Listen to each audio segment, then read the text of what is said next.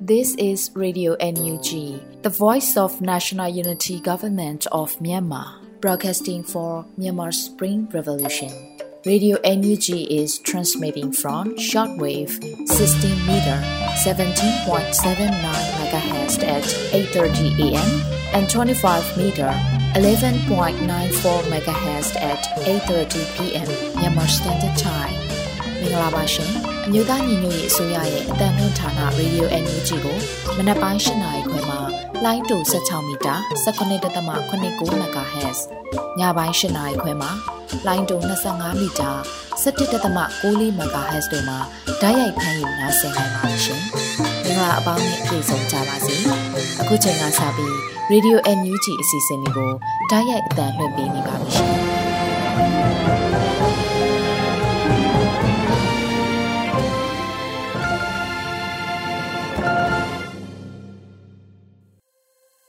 မင်္ဂလာပါခင်ဗျာတောတာရှင်တော်လံပြည်သူအပေါင်းကိုရောစိတ်ပါကြမ်းမာလို့ဘေးကင်းตาရတဲ့မနက်ခင်းတစ်ခုဖြစ်ကြပါစေကြောင်းရေဒီယိုအန်ယူဂျီကမြစ်တာပို့တာပါတယ်ဖေဖော်ဝါရီလ၄ရက်နေ့မနက်ခင်းထုတ်လွှင့်မှုအစီအစဉ်တွေထုတ်လွှင့်ချိန်ရောက်လာပြီဖြစ်လို့အခုချိန်ကစပြီးကာကွယ်ရေးဝန်ကြီးဌာနရဲ့စစ်ရေးတည်င်းအကျဉ်းချုပ်တွေကိုမောင်ကျူးမှတင်ပြပါတော့မယ်ခင်ဗျာ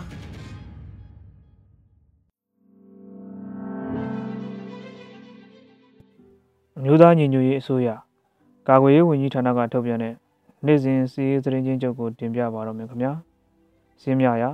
ရန်သူတပ်သား2ဦးသေဆုံးပြီး3ဦးဒဏ်ရာရရှိကြောင်းသိရှိရပါတယ်။အာဏာသိမ်းကျန်းဖက်စစ်တပ်နဲ့တိုက်ပွဲဖြစ်ပွားမှုသတင်းများကိုပထမဦးစွာတင်ပြပါမယ်ခင်ဗျာ။ချင်းမြနယ်မှာ2023ခုနှစ်ဖေဖော်ဝါရီလ3ရက်နေ့ကထန်တလန်မြို့နယ်ထန်တလန်မြို့ရှိရဲစခန်းကိုချင်းကာကွယ်ရေးတပ်ဖွဲ့များကဒရုန်းနဲ့ဘုံကျဲတက်ခတ်ခဲ့ကြောင်းသိရှိရပါတယ်။စကိုင်းတိုင်းမှာ ဖေဖော်ဝါရီလ3ရက်နေ့မနက်10:15မိနစ်ခန့်ကခင်ဦးမြို့နယ်ခင်ဦးမြို့ဈေးနီးမှာတက်ကြက်ထက်ဝေစောဥဆောင်တဲ့ရန်သူတပ်သားနဲ့ရဲတပ်သား6ဦးတို့ဆိုင်ကယ်3စီးနဲ့လာရောက်စဉ်ခင်ဦး Phoenix Guerrilla Force အဖွဲ့ကပစ်ခတ်တိုက်ခိုက်ခဲ့ရာတက်ကြက်ထက်ဝေစောမှနေရာမှာတိဆုံးခဲ့ပြီးစကားရတစ်ခွန်လေးလေး G3 တပ်နှက်တလက်ကြီးပေါတစ်ခု G9000 သိန်းစီရရှိခဲ့ကြောင်းသိရှိရပါတယ်။မန္တလေးတိုင်းမှာဖေဖော်ဝါရီလ2ရက်နေ့မနက်9:45မိနစ်ခန့်က မြင်းကြံမြို့နယ်ကိုင်းရွာမှာနေထိုင်တဲ့ပြူစောတီကောင်းဆောင်အေးနိုင်ရဲ့နေကို Tiger 1 Tiger 2နဲ့ကျွဲညိုဖွဲ့တို့ကဝင်ရောက်တိုက်ခိုက်ရန်သွားစဉ်တောင်ရလုံနေတဲ့ပြူစောတီကတွေးရှိကတရင်ကြိုတင်ရရှိသွားခဲ့ပြီးဝင်ရောက်ပစ်ခတ်ခဲ့တဲ့အတွက်အိမ်ထဲမှာတိတ်တဆိတ်နေ၍အိမ်မြင်သို့ပြန်လဲထွက်ခွာလာချိန်မှာအိမ်သာဘက်မှပစ်ခတ်သောကြီးကြောင့်တိုင်ဂါ2အဖွဲ့မှကျောင်းဆရာဖြစ်သူရဲဘော်အကျော်အသက်26နှစ်နဲ့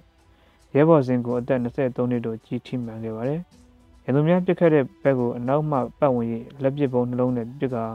ရဲဘော်နှုတ်ကိုကယ်ထုတ်ရန်ကြိုးပမ်းခဲ့ကြပြီးရဲဘော်အကြော်မှာဘယ်ဘက်ရင်ုံနဲ့ဘိုက်ကိုကြည်ထိမှန်ကကြာဆုံးခဲ့ရပြီးရဲဘော်စင်ကမှလေပင်သွေးကြောအားကြည်ထိမှန်၍ကြာဆုံးခဲ့ရပါတယ်။မိရိုဘက်က MB1 တလက်နဲ့380အတူတလက်တို့ဆုံးရှုံးခဲ့ရပြီးပြူစောတိတူတေဆုံးက3ဦးဒဏ်ရာရရှိခဲ့ပါတယ်။ဖေဖော်ဝါရီလ2ရက်နေ့မနက်ပိုင်းက တပိတ်ကျင်းမြို့နယ်ခုနမိုင်ကျေးရွာရှိအမှတ်2စစ်အခြေခံလေ့ကျင့်ရေးတပ်မှထိချိုင်ဘက်ကိုစစ်ကူသွားတဲ့ရန်သူအင်အားအပြည့်ပါဖောကားနှစ်စီးကို၎င်းမြို့ကျွဲကူးကံမှာနေမီကန်ပကဖများနဲ့ပြည်သူ့ကာကွယ်ရေးတပ်မတော်ကတာခရိုင်တရင်သုံးတို့ပူးပေါင်းပြီးဗေဒါမိုင်းတစ်လုံးရှစ်ထွက်မိုင်းနှလုံးတို့ဖြင့်တစ်ကြိမ်တောင်တစ်လုံးအင်ပြန်ကြားမှာဗေဒါမိုင်းတစ်လုံးရှစ်ထွက်မိုင်းနှလုံးတို့ဖြင့်တစ်ကြိမ်စုစုပေါင်းနှစ်ကြိမ်တိတိမိုင်းဆွဲတိုက်ခိုက်ခဲ့ရာရန်သူတပ်များထိခိုက်ဒေဆုံးမှုများနိုင်ပါတယ်။ ထို့နောက်နေ့လယ်2:40မိနစ်ခန့်ကနေဗီကန်တော်လိုင်းရဲဘော်များရဲ့မိုင်းဆွဲတိုက်ခိုက်မှုကိုကာကွယ်နိုင်ရန်နီဂယ်စက်ယုံမှအင်အား15ခန့်ရှိစစ်ကောင်စီတပ်သားများတဖန်းချောင်းတရားအနီးကပြောတော့မှကင်းပုံဝက်လျက်ဆောင်ဆဲနေချိန်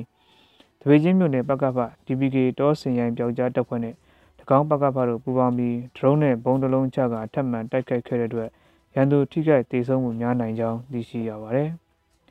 အာဏာသိမ်းကျန်းဖက်စစ်တပ်ကကျူးလွန်တဲ့ရာဇဝတ်များအကြောင်းကိုဆက်လက်တင်ပြပါမယ်ခင်ဗျာကချင်ပြည်နယ်မှာဖေဖော်ဝါရီလ2ရက်နေ့ကဖားကတ်မြို့နယ်မစိုးရန်ချုပ်ထောင်မှာစခန်းချနေတဲ့ခမရ86ကလက်နက်ကြီးနဲ့ပစ်ခတ်ခဲ့တဲ့အတွက်မစိုးရန်ကြေးရွာအတွင်းသို့လက်နက်ကြီးကြီးနှလုံးကြားရောက်ပေါက်ကွဲကာနေအိမ်တစ်လုံးထိခိုက်ပျက်စီးခဲ့ကြောင်းသိရှိရပါတယ်ချင်းပြည်နယ်မှာဖေဖော်ဝါရီလ2ရက်နေ့နေ့လယ်2:45မိနစ်ခန့်ကမင်းတပ်မြို့နယ်မင်းတပ်မြို့နောက်ရက်ကွက်ကမ်ပလက်လန်ကွဲဂိတ်မှာအမှတ်၄ရက်ကွက်မှာ လီယောရွာသားတဦးနဲ့ဂျာလီလိုင်းရွာသားတဦးကိုဖမ်းဆီးသွားခဲ့ကြောင်းသိရှိရပါတယ်ယခုတင်ပြခဲ့တဲ့နေ့စဉ်စီးရီးသတင်းချင်းချုပ်ကိုရေပြင်သတင်းတာဝန်ခံများနဲ့သတင်းဌာနများကဖော်ပြထားတဲ့အချက်များပေါ်အခြေခံပြုစုထားတာဖြစ်ပါတယ်ကျွန်တော်မောင်ကျူပါ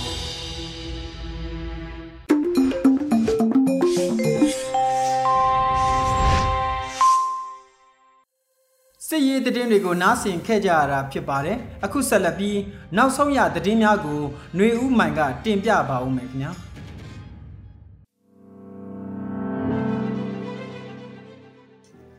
မင်္ဂလာပါရှင်အခုချိန်ကစပြီး Radio UNG ရဲ့မနက်ခင်းသတင်းများကိုတင်ပြပေးပါရမယ်ကျမຫນွေဦးမိုင်ပါ ပထမဆုံးဟိုမလင်းမြို့နယ်ရွှေပြည်အေးမြို့တဲ့အနီးတွေဖြစ်ပွားခဲ့သောတိုက်ပွဲတွင်အာနာသိန်းအကြမ်းဖက်စစ်တပ်၏ရဟယင်တစီကို PDF များပြစ်ချနိုင်ခဲ့တဲ့သတင်းကိုတင်ပြပေးချင်ပါတယ်။စကိုင်းတိုင်းဟိုမလင်းမြို့နယ်ရွှေပြည်အေးမြို့တဲ့အနီးတွင်ဖြစ်ပွားခဲ့သောတိုက်ပွဲတွင် အာနာသိန်းအကြမ်းဖက်စစ်တပ်၏ရဟယင်တစီကို PDF များပြစ်ချနိုင်ခဲ့လို့ဖေဖော်ဝါရီ3ရက်နေ့မှာ AUG ကာကွယ်ဝင်ကြီးဌာနကသတင်းထုတ်ပြန်ခဲ့ပါတယ်။ဖေဖော်ဝါရီလ3ရက်နေ့မွန်လွင်3:45မိနစ်အချိန်ခန့်က စကိုင်းတိုင်းဟုံးမလင်းမြို့နယ်ရွှေပြည်အေးမြို့တဲ့အနီးတွင်ဖြစ်ပွားခဲ့သောတိုက်ပွဲတွင်အာနာသိအကြံဖက်စစ်တအီရဟရင်တစီကိုပြည်သူ့ကာကွယ်တပ်မတော် PDF ခန္တီခရိုင်တပ်ရင်း1ဟုံးမလင်း HPDF 124 HPDF HPDF မိုးချိုးနဲ့မဟာမိတ်တပ်ပေါင်းစုများမှပြက်ကြောင်တိုက်ခိုက်နိုင်ခဲ့လို့ဆိုပါတယ်အဆိုပါတိုက်ပွဲတွင်ရန်သူတပ်သားနဲ့ပြူစောတိ20ဦးခန့်သေဆုံးခဲ့ပြီးပြည်သူ့ကာကွယ်ရဲဘော်တို့ကြာဆုံးခဲ့ပါတယ်။ ဖေဖော်ဝါရီ၁ရက်နေ့ဟိုမလင်းမြို့နယ်ရွှေပြည်အေးမြို့အားခန္တီခရိုင်အမှတ်1တပ်ရင်းဟိုမလင်း HPDF HPDF 124 HPDF မိုးကြိုးစသည့်မဟာမိတ်တပ်ပေါင်းစုမှစီးနင်းသိမ်းပိုက်ခဲ့ပြီးစစ်ကောင်စီမှရဟရင်ဖြင့်၃ချိန်လာရောက်ပစ်ခတ်ခဲ့တော့လဲမဟာမိတ်တပ်ပေါင်းစုမှအထိခိုက်ကြဆုံးမရှိဘဲရွှေပြည်အေးမြို့အားသိမ်းပိုက်နိုင်ခဲ့လို့ခန္တီခရံအမှတ်1တပ်ရင်းဟိုမလင်းကဆိုထားပါတယ်ရှင်။ ဆက်လက်ပြီးအမျိုးသားညီညွတ်ရေးအစိုးရပညာရေးဝန်ကြီးဌာနကမူလရန်ဆရာအတက်ပညာသင်တန်း Primary Teachership Course PTC ဒုတိယကြိမ်ဝင်ခွင့်လျှောက်လွှာခေါ်ယူတဲ့သတင်းကိုတင်ပြပေးပါမယ်။အမျိုးသားညီညွတ်ရေးအစိုးရပညာရေးဝန်ကြီးဌာနကမူလရန်ဆရာအတက်ပညာသင်တန်း Primary Teachership Course PTC ဒုတိယအချိန်ဝင်ခွင့်လျှောက်လွှာခေါ်ယူလိုက်ပါတယ်။ဖေဖော်ဝါရီ3ရက်နေ့မှာ NUG ပညာရေးဝန်ကြီးဌာနကတည်ပြီးဖော်ပြပါတယ်။ တင်နန်းသည်စစ်အာဏာရှင်အမြင့်ပြတ်ပျောက်ကွယ်သွားသည့်အထိဤအမျိုးမျိုးဖြင့်တော်လှန်ဆန့်ကျင်သောပြည်သူများအတွက်ပညာရေးအခွင့်အလမ်းမဆုံးရှုံးစေရန်နှင့်ဆရာအင်အားပြန်လည်ဖြစ်တင်းနိုင်ရအတွက်ရည်ရွယ်၍အမျိုးသားညီညွတ်ရေးဆိုရပညာရေးဝန်ကြီးဌာန National Unity Government NUG MOEE အစီအစဉ်ဖြင့်ဖွင့်လှစ်သောဆရာအတက်ပညာသင်တန်းဖြစ်တယ်လို့ဆိုပါတယ်ပထမအကြိမ်အဖြစ် သင်တန်းအပတ်စဉ်1မှ9အထိဖွင့်လှစ်ပို့ချခဲ့ပြီးဖြစ်ကယခုဒုတိယကြိမ်တွင်အပတ်စဉ်၄ခုဖွင့်လှစ်မိဖြစ်ပြီးအပတ်စဉ်တစ်ခုစီတွင်သင်တန်းသား250ဦးကိုလက်ခံပို့ချပေးမှာဖြစ်ပါတယ်။အပတ်စဉ်တစ်ခုစီသင်တန်းကာလမှာ3လဖြစ်ပြီးအပတ်စဉ်လိုက်တက်ရောက်ခွင့်ရရှိကြောင်းအကြောင်းကြားစာကိုဖေဖော်ဝါရီ24ရက်မှဖေဖော်ဝါရီ28ရက်အတွင်းလျှောက်ထားသူ၏အီးမေးလ်သို့ပေးပို့မှာဖြစ်ပါတယ်ရှင်။ တိုက်ပွဲဆင်နေသည့်ကာလဖြစ်၍အင်မတန်မှသတိကောင်းစွာထားကြရမယ်လို့ပြည်တော်စုဝင်ကြီးနိုင်သူဝနပြောကြားတဲ့သတင်းကိုဆက်လက်တင်ပြပေးပါမယ်။တိုက်ပွဲဆင်နေသည့်ကာလဖြစ်၍အင်မတန်မှသတိကောင်းစွာထားကြရမယ်လို့ပြည်တော်စုဝင်ကြီးနိုင်သူဝနပြောကြားလိုက်ပါတယ်။ဖေဖော်ဝါရီ3ရက်အမျိုးသားညီညွတ်ရေးအစိုးရဂျာကာလာဒေသန္တရပြည်သူ့အုပ်ချုပ်ရေးဖော်ဆောင်မှုဗဟိုကော်မတီနဲ့စကိုင်းတိုင်းမကွေးတိုင်းပြည်သူ့အုပ်ချုပ်ရေးဖွဲ့များတွိတ်ဆုံဆွေးနွေးပွဲမှာဝင်ကြီးကဆိုပါတယ်။ ယခုအခြေအနေသည်2023ခုနှစ်တနှစ်မဟာဗျူဟာအစီအစဉ်ရဆောင်ရွက်နေကြ၍တတန်ဒီညီတချီကြီးရုံးကြရမည်ဖြစ်ကြောင်းလက်ရှိကာလတွင်တိုက်ပွဲဆင်နေသည့်ကာလဖြစ်၍အင်မတန်မှသတိကောင်းစွာထားကြရမည်ဖြစ်ကြောင်းအားလုံးလက်ရှိအနေအထားကိုကြိုးကြိုးဆဆနဲ့ဆောင်ရွက်သွားကြပါစို့လို့ဝန်ကြီးကတိုက်တွန်းဆိုပါတယ် ထို့နောက်ကိုလင်းခရိုင်ပြည်သူ့အုပ်ချုပ်ရေးဖွဲ့မှခရိုင်အတွင်းနေမီကွင်းစင်စစ်ဆေးမှုများပေါ်လုပ်ငန်းဆောင်ရွက်မှုများအကြံပြုချက်သုံးသက်ချက်များကိုချပြရှင်းလင်းပြောကြားခဲ့ပြီးနောက်တက်ရောက်လာသောဌာနဆိုင်ရာတည်တည်မှတာဝန်ရှိသူများမှဝင်ကြီးဌာန၏လုပ်ငန်းဆောင်ရွက်ချက်များကိုရှင်းလင်းပြောကြားခဲ့ပါတယ်။အစည်းအဝေးသို့ဂျာကာလာဒေသန္တရပြည်သူ့အုပ်ချုပ်ရေးဖော်ဆောင်မှုဗဟိုကော်မတီဝင်ပြည်ထောင်စုဝင်ကြီးများဒုတိယဝင်ကြီးများအမြဲတမ်းအတွင်းဝင်များတွဲဖက်အမြဲတမ်းအတွင်းဝင်များ ဌာနဆိုင်ရာတည်တည်မှတာဝန်ရှိသူများစကိုင်းတိုင်းမကွေးတိုင်းပြည်သူ့အုပ်ချုပ်ရေးအဖွဲ့ခေါင်းဆောင်များအဖွဲ့ဝင်များတက်ရောက်ခဲ့ကြပါတယ်ရှင်ဆက်လက်ပြီးတက်ထဲကအပြင်ကိုတောင်မထွက်ရဲပဲနေရတဲ့အချိန်မှာစစ်အုပ်ချုပ်ရေးဆိုတာတယောသလိုဖြစ်နေတယ်လို့ပြည်တော်စုဝင်ကြီးဦးစိုးသူရထွန်းပြောကြားတဲ့သတင်းကိုတင်ပြပေးပါမယ်။ တက်ထဲကအပြင်ကိုတောင်မထွက်ရဲပဲနေရတဲ့အချိန်မှာစစ်အုပ်ချုပ်ရေးဆိုတာတယောသလိုဖြစ်နေတယ်လို့ပြည်တော်စုဝင်ကြီးဦးစိုးသူရထွန်းပြောကြားလိုက်ပါတယ်။ဖေဖော်ဝါရီ3ရက်နေ့မင်းမြန်ရမှာအကြမ်းဖက်စစ်ကောင်စီရဲ့စစ်အုပ်ချုပ်ရေးနဲ့ပတ်သက်လို့ပြည်တော်စုဝင်ကြီးဦးစိုးသူရထွန်းကပြောပါတယ်စစ်အာဏာရှင်လက်အောက်ရောက်နေမှာတော့စစ်အုပ်ချုပ်ရေးဖြစ်နေခဲ့တာပဲလေတို့ပေမဲ့ခုထုတ်တဲ့သဘောကတော့တာမန်ပြည်သူတအုပ်ကိုချက်ချင်းဖမ်းဆီးပြီးစစ်တရားရုံးနဲ့နေချင်းအမိန့်ချခွင့်ကိုပေးလိုက်တာပါ ရည်စရာကောင်းတာကခုသူတို့ထုတ်တဲ့နေရာအလုံးကဒုဘက်ကနေမြေစိုးမိုးထားတဲ့နေရာတွေဖြစ်နေတယ်သူတို့တက်တချို့ရှိပေမဲ့တက်ထဲကအပြင်ကိုတောင်မထွက်ရဲပဲနေရတဲ့အချိန်မှာစစ်အုပ်ချုပ်ရေးဆိုတာကိုကိုကိုတယွန်နေတယ်လို့ဖြစ်နေတယ်လို့ဝင်ကြီးကဆိုပါတယ်။ဖေဖော်ဝါရီလ၁ရက်နေ့ကအသစ်ပြန်လည်ဖွဲ့စည်းထားတဲ့စစ်ကောင်စီမှမြန်မာနိုင်ငံအတွင်းရှိတိုင်းနယ်ပြည်နယ်၈ခုမှ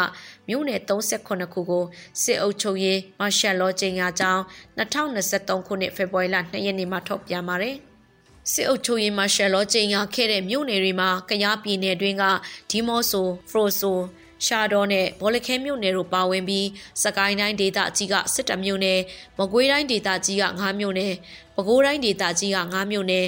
တနင်္သာရီတိုင်းဒေသကြီးက2မြို့နယ်ချင်းပြည်နယ်က9မြို့နယ်မွန်ပြည်နယ်က1မြို့နယ်ကရင်ပြည်နယ်က2မြို့နယ်တို့ပါဝင်ပါတယ်ရှင်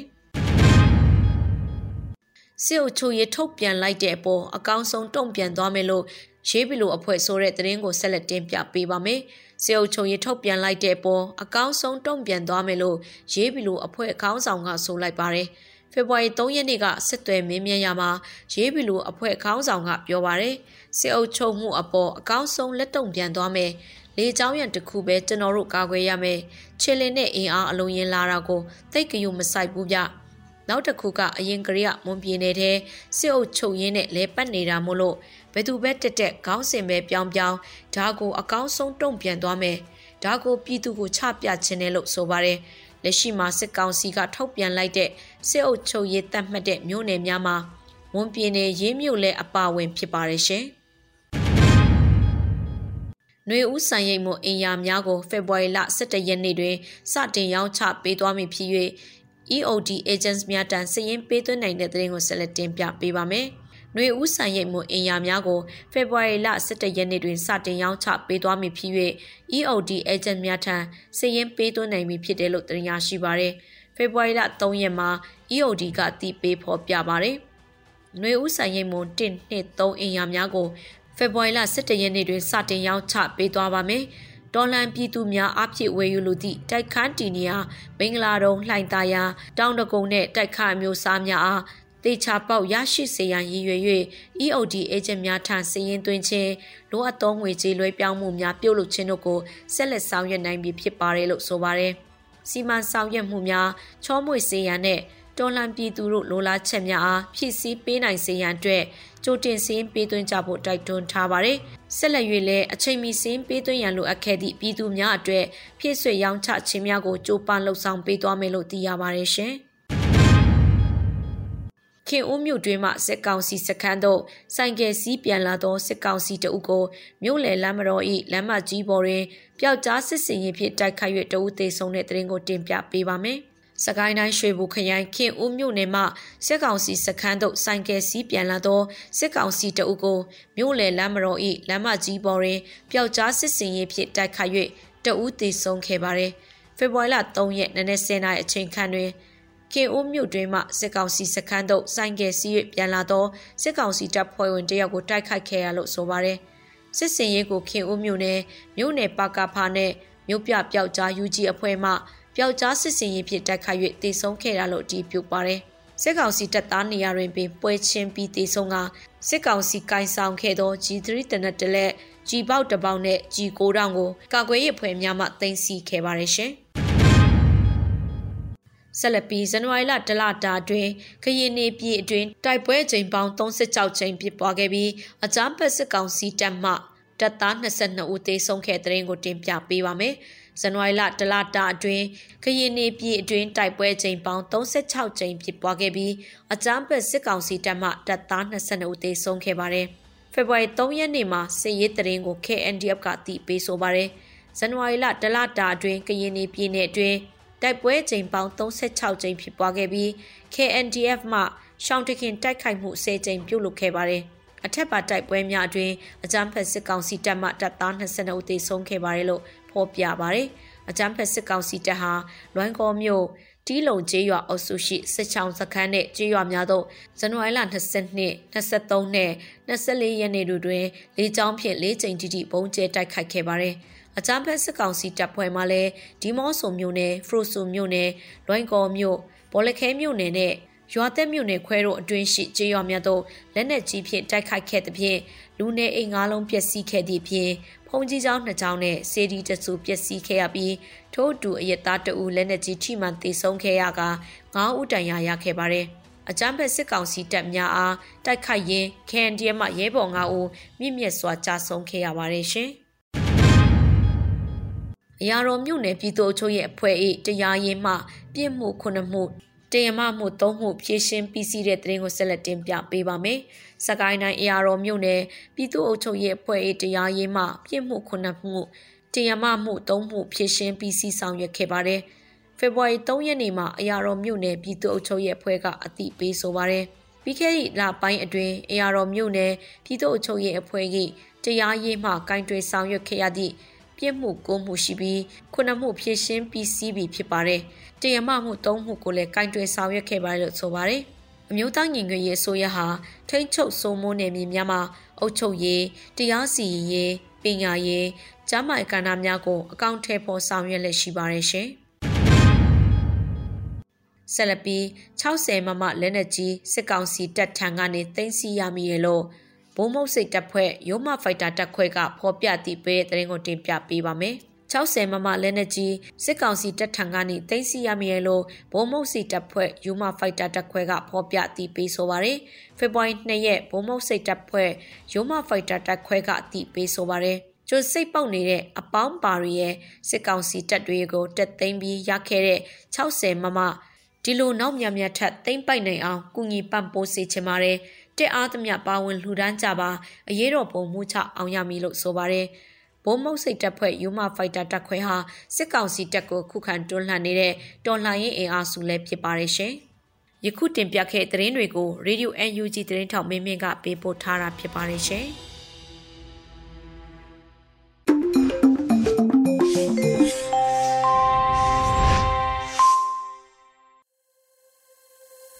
ရေဒီယိုအန်ယူဂျီမှဆက်လက်အတန်းလှည့်နေပါတယ်။ဖေဖော်ဝါရီလ၄ရက်နေ့နောက်ဆုံးရသတင်းများကိုနားဆင်လို့အပြီးမှာတော့ပြည်သူခုခံစစ်သတင်းများကိုမင်းနိုင်ຫນွေဦးကတင်ပြပါမယ်ခင်ဗျာ။ပထမဆုံးတင်ဆက်မှာကတော့စလင်းကြီးတွင်စက္ကစစစ်ကြောင်းမိုင်းဆွဲတိုက်ခတ်ခံရတဲ့သတင်းမှာစကိုင်းတိုင်းစလင်းကြီးမြို့နယ်တွင်အကြမ်းဖက်စစ်တပ်စစ်ကြောင်းကိုမိုင်းဆွဲတိုက်ခိုက်မှုစစ်သား9ဦးသေဆုံးခဲ့ကြောင်း ဓမ္မဆိုင်တက်မတော်ထံမှသိရပါဗျ။ဖေဖော်ဝါရီလ3ရက်နေ့နနက်8နာရီဝန်းကျင်တွင် အောင်ချမ်းသာကျွော်မှတဆင့်စလင်းကြီးမြို့ပေါ်သို့စစ်ကြောင်းထိုးလာတဲ့အကြမ်းဖက်စစ်တပ်ကိုရင်းမမင်ခရိုင်အမှတ်28တရင်ဓမ္မဆိုင်တက်မတော်ကပရိသာမိုင်း3ပွိုင်ထားကမိုင်းဆွဲတိုက်ခိုက်ခဲ့ပြီးအထိတ်ကိုက်မသိရသေးဘူးလို့ဒေသသတင်းရင်းမြစ်ကဆိုပါတယ်။ဆက်လက်တင်ဆက်မှာကမွန်ပြည်နယ်အတွင်းစကားစာတများတိုက်ခိုက်ခံရတဲ့သတင်းမှာ မွန်ပြည်နယ်အတွင်းစကားစစစ်ကြောင်းများနဲ့ဒေသကာကွယ်ရေးတပ်များအကြားမနေ့ကထိတွေ့မှုတွေဖြစ်ပွားခဲ့ပါတယ်။မွန်ပြည်နယ်တံပြူစရမြို့နယ်တံပြူစရရေးလမ်းပိုင်းတွင်အကြမ်းဖက်စစ်သားများတိုက်ခိုက်ခံရပြီးအကြမ်းဖက်စစ်သား၃ဦးသေဆုံးခဲ့ကြောင်းတောင်ညိုပြည်သူ့ပျောက်ကြားတပ်ဖွဲ့ထံမှသိရပါတယ်။ဖေဖော်ဝါရီလ2ရက်နနက်၈နာရီခန့်ကရင်းမြို့မှာတံပြူစရဘက်သို့ရင်းနှမ်းပြင်လာရောက်သည့်အကြမ်းဖက်စစ်သားများကို လုံခြုံရေးယူပေးရန် ရင်းမြို့နယ်အောင်တပြေကျွရအနီးကင်းပေါင်းဝင်နေတဲ့အကြမ်းဖက်စစ်သားများကိုတောင်ညိုပြည်သူ့ပျောက်ကြားတပ်ဖွဲ့မှစနိုက်ပါဖြင့်ပစ်ခတ်ခဲ့ရာစစ်သားတအုပ်သေဆုံးပြီး3ဦးဒဏ်ရာရရှိခဲ့ကြောင်းသိရပါတယ်။မွန်းလဲ7နာရီခန့်တွင်ရင်းမြို့မှာတံမြူစီရပ်ဘက်သို့သွားသည့်အကြမ်းဖက်စစ်ကားရှစ်စီးပါရင်နှန်းကိုဧကဘာရွာအနီးတွင်တောင်ညိုပြည်သူ့ပျောက်ကြားတပ်ဖွဲ့မှခြုံခိုပစ်ခတ်တိုက်ခိုက်ခဲ့ရာစစ်ကားတစ်စီးပျက်စီးပြီးအကြမ်းဖက်စစ်သားများလည်းထိခိုက်ဒေဆုံးမှုရှိခဲ့ကြောင်းသိရတာပါ။ မွန်လဲဆက်နိုင်ခန့်တွင်တံပြူစဲမြို့နယ်ကလိန်ပတော်ရွာနှင့်ကျုံမထီရွာကြားတွင်အကြမ်းဖက်စစ်ကားလေးစီးကိုတောင်ညိုပြည်သူပျောက်ကြားတပ်ဖွဲ့မှ၃ချိန်မိုင်းဆွဲပြီးခြုံကိုပြစ်ခတ်တိုက်ခိုက်ခဲ့ရာစစ်ကားတစ်စီးထပ်မံပျက်စီးပြီးစစ်သား2ဦးသေဆုံးခဲ့ကြောင်းသိရပါတယ်။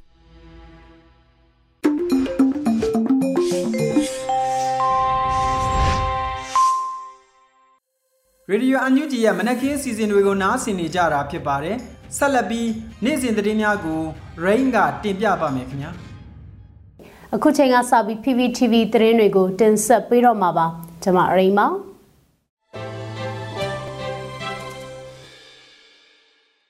ထမဆုံးတင်ဆက်မှာကတော့ဂျာကာလာဒေသန္တရပြည်သူ့အုပ်ချုပ်ရေးဖော်ဆောင်မှုဗဟိုကော်မတီအစည်းအဝေးပြုလုပ်တဲ့တဲ့မှာအမျိုးသားညွေရေးအစိုးရဂျာကာလာဒေသန္တရပြည်သူ့အုပ်ချုပ်ရေးဖော်ဆောင်မှုဗဟိုကော်မတီအစည်းအဝေးအမှတ်စဉ်9မြင်းဆောင်2023ကိုဖေဖော်ဝါရီ2ရက်မနေ့10နိုင်မှာပြုလုပ်ခဲ့ကြပါတယ်။အစည်းအဝေးမှာဂျာကာလာဒေသန္တရပြည်သူ့အုပ်ချုပ်ရေးဖော်ဆောင်မှုဗဟိုကော်မတီဥက္ကဋ္ဌ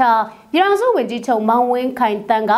တော်လိုင်းရင်နှစ်နှစ်ပြည့်မြောက်လာတာနဲ့အညီမိမိတို့ရည်မှန်းချက်တွေပြည့်မြောက်လာမဲ့အခြေခံနဲ့အခြေအနေကောင်းတွေရှိလာနေပြီဖြစ်ကြောင်းထိုကဲ့သို့ဖြစ်မြောက်အောင်ဖော်ဆောင်နိုင်ရမှာကြားကာလသေတန္တရအုပ်ချုပ်ရေးကအရေးကြီးတဲ့မန်နိုင်တစ်ခုဖြစ်ကြောင်းတော်လိုင်းရေးကာလအတွင်းမြေပြင်မှာစီမံဆောင်ရွက်ကြရင်ဗဟိုချုပ်ကင်မှုရော့ကြခြင်းကိုလက်တွေ့ကျင့်သုံးဆောင်ရွက်ခဲ့ပြီးဥပမာကောင်းဖြစ်ရကောင်းများကို အများကြီးသင်ယူရန်လိုကြောင်း ဒေါ်လာရေးအစိုးရဖြစ်တော်လဲအုပ်ချုပ်ရေးနဲ့တရားဥပဒေစိုးမိုးရေးကိုလည်းဟန်ချက်ညီညီဆောင်ရွက်နိုင်လို့ယနေ့ဒေါ်လာရေးရဲ့နောက်ဆက်တွဲဆိုးကျိုးများကိုအတက်နိုင်ဆုံးလျှော့ချနိုင်ခဲ့ကြောင်းပြည်သူလူထုပါဝင်မှုကအရေးကြီးကြောင်းကာကွယ်ရေးအုပ်ချုပ်ရေးမှာဥဆောင်မှုပြုနေတဲ့အစိုးရအဖွဲ့ဝင်များအနေနဲ့လူထုအခြေပြုစီယုံရေးလုပ်ငန်းများကိုယခုထပ်ပုံမှုဆောင်ရွက်ကြရန်လိုကြောင်း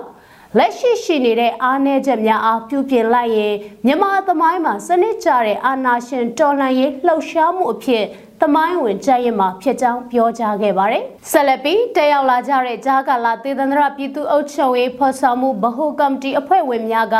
ပြီးခဲ့တဲ့အစည်းအဝေးလေးမြင်းဆောင်2023မှာချမှတ်ထားတဲ့ဆုံးဖြတ်ချက်ရှေ့လုပ်ငန်းစဉ်များနဲ့ပတ်သက်ပြီးပြည်စည်းမှုအခြေအနေများနဲ့ဆက်လက်ဆောင်ရွက်ရန်ကြံရှိနေတဲ့လုပ်ငန်းစဉ်များကိုချပြရှင်းလင်းပြီးတက်ရောက်လာတဲ့တာဝန်ရှိသူတွေကအကြဲတဝင်းဆွေးနွေးခဲ့ကြပါတယ်။ အဆိုပါစည်းဝေးသို့ဂျာကာလာသေသန္တရပြည်သူ့အုပ်ချုပ်ရေးဖော်ဆောင်မှုဗဟိုကော်မတီဥက္ကဋ္ဌပြည်ထောင်စုဝန်ကြီးချုပ်မောင်ဝင်ခိုင်တန်းဦးဆောင်ကပြည်ထောင်စုဝန်ကြီးများဒုတိယပြည်ထောင်စုဝန်ကြီးများအမြဲတမ်းအတွင်းဝန်များဌာနဆိုင်ရာများမှတာဝန်ရှိသူများတက်ရောက်ခဲ့ကြတယ်လို့ပြည်ထောင်စုနဲ့လူဝင်မှုကြီးကြပ်ရေးဝန်ကြီးဌာနကသတင်းထုတ်ပြန်ပါတယ်။ ဆက်လက်တင်ဆက်ပိမှာကတော့အကြံပတ်စစ်တပ်ကြောင့်မိပေးသိမ်းခဲ့ရတဲ့မြန်မာပြည်သူတွေကိုဗလဲမြို့နယ်ပြည်သူ့အုပ်ချုပ်ရေးအဖွဲ့ကအကူအညီများထောက်ပံ့ပေးအပ်ခဲ့တဲ့တဲ့မှာ အကြမ်းဖက်စစ်တပ်ကစစ်ကြောင်းထိုးပြီးကျေးရွာတွေကိုမိရှို့ဖျက်ဆီးခဲ့တာကြောင့်မိပေးသိမ်းခဲ့ရတဲ့ပြည်သူတွေကိုပလဲမြို့နယ်ပြည်သူ့အုပ်ချုပ်ရေးအဖွဲ့ကဖေဖော်ဝါရီ2ရက်မှာအကူအညီအထောက်အပံ့တွေပေးအပ်ခဲ့တယ်လို့ပြည်ထောင်စုနယ်လူမှုကြီးကြပ်ရေးဝန်ကြီးဌာနကသတင်းထုတ်ပြန်ပါတယ်။စကိုင်းတိုင်းပလဲမြို့နယ်ရှိကျေးရွာတေးရွာကိုအကြမ်းဖက်စစ်တပ်နဲ့လက်ပါစေပြူစောထီတွေကဇန်နဝါရီ31ရက်ညနေ6နာရီခန့်မှာဝင်ရောက်မီးရှို့ဖျက်ဆီးခဲ့တာကြောင့် အိမ်ချေ73လုံးအထိမိလောင်ပျက်စီးခဲ့ရတာပါမိလောင်ပျက်စီးခဲ့ရတဲ့ဂျေးရွာကိုအမျိုးသားညွရေးအစိုးရပလဲမြို့နယ်ပြည်သူ့အုပ်ချုပ်ရေးအဖွဲ့ကပြည်သူမှပြည်သူအတွက်အလှူရှင်တွေကလှူဒန်းတဲ့အလှူငွေ6သိန်း5000ကျပ်နဲ့စံအိတ်73အိတ်ကိုတွားရောက်ထောက်ပံ့ပေးအပ်ခဲ့တာပါ။စကိုင်းတိုင်းပလဲမြို့နယ်မှာအကြမ်းဖက်စစ်ကောင်စီနဲ့ပြူစောထီအဖွဲ့ဝင်များမိရှုဖျက်ဆီးတာကြောင့် ပျက်စီးဆုံးရှုံးခဲ့ရတဲ့အင်ချေအလုံးပေါင်း2228လုံးအထိရှိထားတယ်လို့ပလဲမြို့နယ်ပြည်သူ့အုပ်ချုပ်ရေးအဖွဲ့ထံကသိရပါဗျ။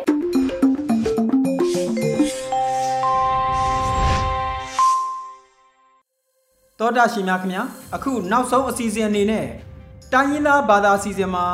ချိုးချင်းဒိုက်ဘာသာစကားထုတ်လွှင့်မှုကိုတင်ဆက်ပေးလိုက်ပါတယ်ဒီအစီအစဉ်ကိုချိုးချင်းဘာသာထုတ်လွှင့်မှုအဖွဲ့နဲ့ ရေဒီယိုအန်ယူဂျီတို့ကပူးပေါင်းတင်ဆက်ထားတာဖြစ်ပါတယ်ခင်ဗျာ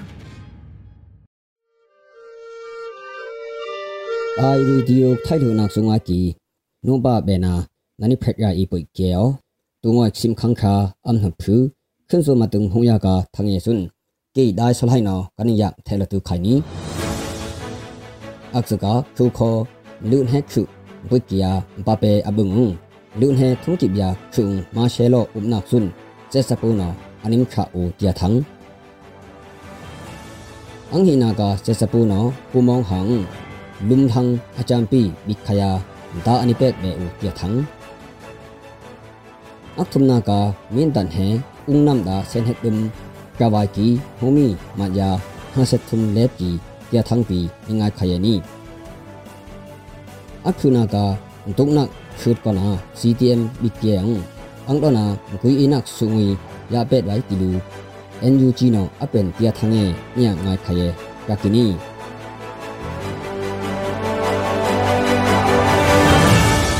ha kha phalam ti tim thandalan batu ton san ya kamplen heung se sapu no ma shelo upnak sun sim khang kha ang him hupung anim kha wa kaki aksuga mahalu tuk anabiki min tak lu ania ka kung khokum thong hi kunung ku yamat no kha halik thumang ma shelo upna anim kha pung wa kaki ahinung palewa ta kung pu ki tia hwa kakini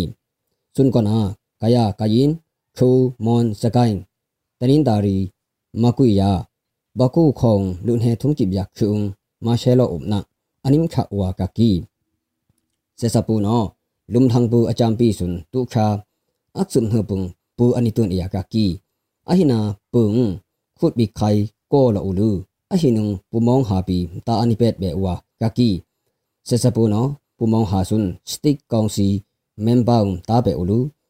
kho kum hi ang hok kona ahik ba pahu acham pi lum thang pung ta ani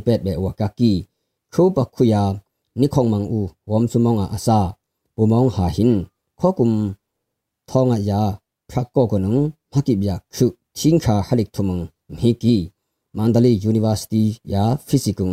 Boy Degree Railu Myanmar Economic Bank Banjung Khokum Thumkip ya khu khut bi khakya kakini min dan he ungnam da sen het mik dum kawai lu khaphu lep pi tia thang hongya ga kakini khala ya hin khonli sesa ngo thunno anika hu sen het dum sun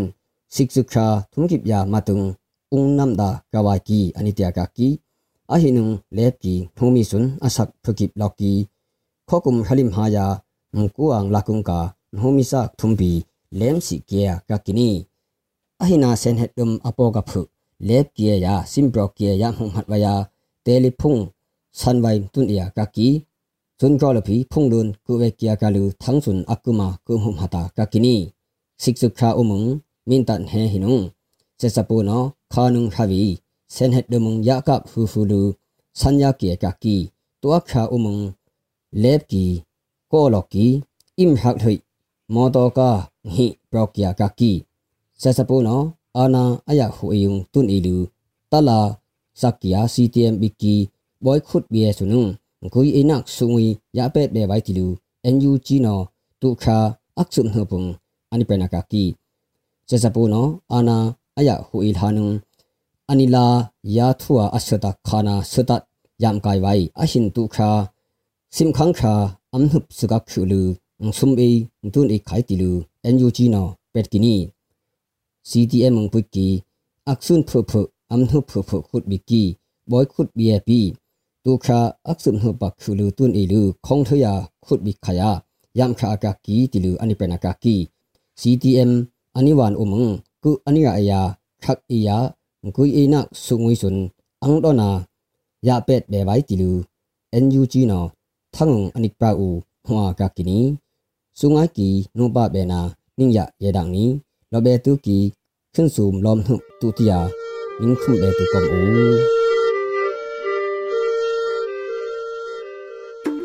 ဒီကနေ့ကတော့ဒီညနဲ့ပဲ Radio NUG ရဲ့အစီအစဉ်လေးကိုခਿੱတရနာလိုက်ပါမယ်ရှင်။ မြမစံတော်ချိန်မနက်၈နာရီခွဲနဲ့ည၈နာရီခွဲအချိန်တွေမှာပြန်လည်ဆုံတွေ့ကြပါစို့။ Radio NUG ကိုမနက်ပိုင်း၈နာရီခွဲမှာလိုင်းတူ16မီတာ19.8 MHz